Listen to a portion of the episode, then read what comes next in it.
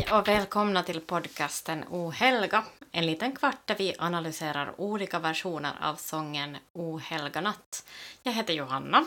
Och jag heter Tommy. Vi är varken musiker eller musikvetare, men det hindrar inte oss från att ha en massa tankar och åsikter om O helga natt. Vi rekommenderar att du nu pausar det här poddavsnittet och går in på vår sida ohelga.blogg där vi har lagt ut en länk till dagens version. Sen öppnar vi lucka A13. Hei ja tervetuloa Uuhelka-podcastiin, joulukalenteri-podcastimme, jossa me analysoimme Oi jouluyölaulun versioita. Mun nimi on Tomi. Ja minä olen Johanna. Me ei olla muusikoita tai musiikkitietäjiä, mutta se ei tietenkään estä meitä esittämästä erinäisiä mielipiteitä. Suosittelemme, että nyt ennen kuin edes aloitamme, pistät jakson paussille ja menet meidän nettisivuille ohelka.blog, josta löydät linkin päivän versioon. Ja sitten avataankin luukku numero 18.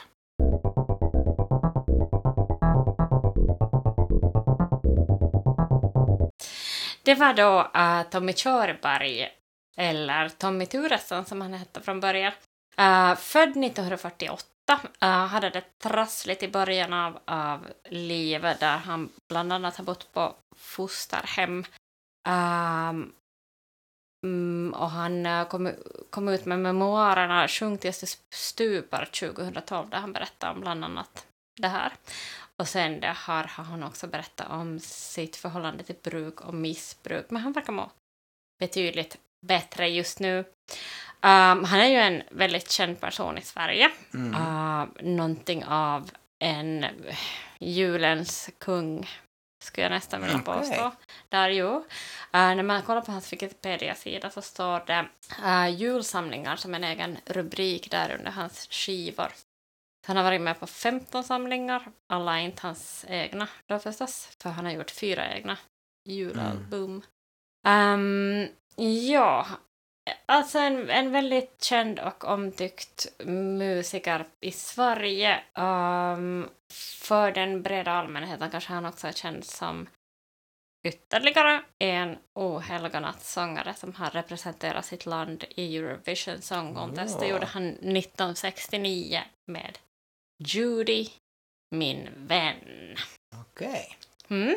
Mm -hmm. Så det var kort om honom. Men, men berätta om vad du tänkte om den här versionen. Mm. No, tämä oli mun mielestä aika klassinen miehen esittämä versio tästä laulusta. Se alkoi mies ja pienolla, joka on ihan hauska. Ehkä ne useimmiten alkaa sillä heti sillä orkesterilla taustalla. Mm. Mutta sitten se kasvaa sellaiseksi niin sinfoniaorkesterin tyyliseksi mm. ja, ja iso kuoro taustalla. Vähän sellainen kirkkokonsertti mm. versio. Ja, jag har skrivit då tv-version. Mm. Det kan bero på att jag ofta sett honom på tv i olika julsammanhang mm. när han har sjungit olika sånger. Ja mäkin kun mä ajattelen kirkkokonsertteja, niin mä ajattelen niitä aina televisiosta. ja, precis. Ja, men jag tycker att han har liksom musikalartistens uh, drill i mm. stämman på något sätt. Att mm. han liksom kvittrar ganska Joo. fint. Joo, siis mun mielestä myös kaunis herkkä ja taitava ääni kyllä. Mm. Joka varsinkin siinä alussa tulee mun mielestä esille vielä enemmän. Sitten kun pitää laulaa kovaa ja korkealta, niin se ehkä vähän kiristyy se. Uh-huh. Sitten katoo sen tietynlainen joku, joka varmaan on hyvin normaali. det kan hända.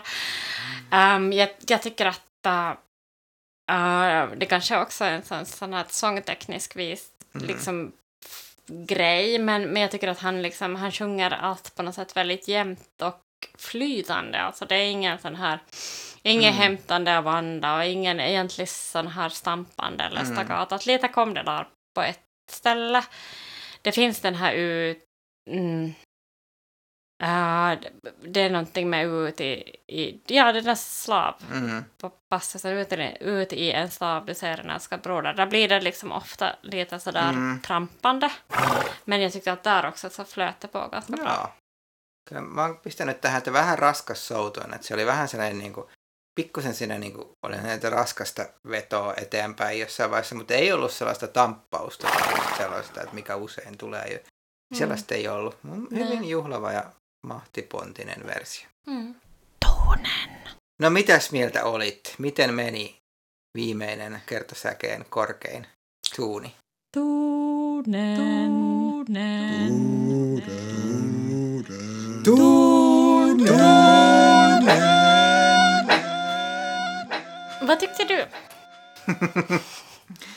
no, mä oon kirjoittanut, että onnistuu, mutta oliko se vähän hilkulla? På vilket Että siellä oli niinku, kai se onnistui, mutta ei se ollut niin kauhean jollakin tavalla varma vai onnistuiko se sitten kuitenkaan? Se ei ollut sellainen niinku selkäpiitä karmiva veto sinne niin, mutta olihan se hieno. mm. Kerro nyt. Jag har skrivit tonen. Jag tyckte att han satte tonen. Jag Mm. tyckte han klarade det riktigt Okej. bra. Ja. Mm. Det har, vad har du för skolvitsord? Mä, kyllä se menee kasi puoleen. Mm. Ka, ei, ehkä ka, kasi plus. Jaha, okej. Ser. Um, jag har faktiskt nio minus. Okej. Okay. Ja, det här är en, på något sätt lite en favorit. Hmm. Joo, ymmärrän kyllä. Se voi hyvin olla. Mm. Hienoa. No, tällaisia ajatuksia meillä tuli Tommy Chirperin versiosta. Mitä mieltä olet? Oletko samaa mieltä ja jotain muuta mieltä? Jos haluat jätä kommentti meidän nettisivuilla ohelka.blog. Kaikki kappaleet, mitä me kuunnellaan, löytyy myös soittolistana sekä Apple Musicista että Spotifysta ja meidän nettisivuilta löytyy linkki niihin. Huomenna kuuntelemmekin sitten version, jonka esittäjä on itse asiassa kollektiivi ja jonka YouTube-videoita on katsottu miltei kaksi miljardia kertaa. Oj då. Wow. Men äh, så här tyckte vi alltså om Tommy Körbergs version. Du får gärna kommentera vad du tycker äh, på vår blogg ohelga.blogg. Alla vi versioner som vi lyssnar på kommer att finnas i en spellista på Apple Music och Spotify och du hittar länken till den spellistan på ohelga.blogg. Vi hörs imorgon då det blir ett, ja, en version av ett kollektiv som regerar på Youtube. Mm, Mm. så är det. Ja, hej då! Moi moi!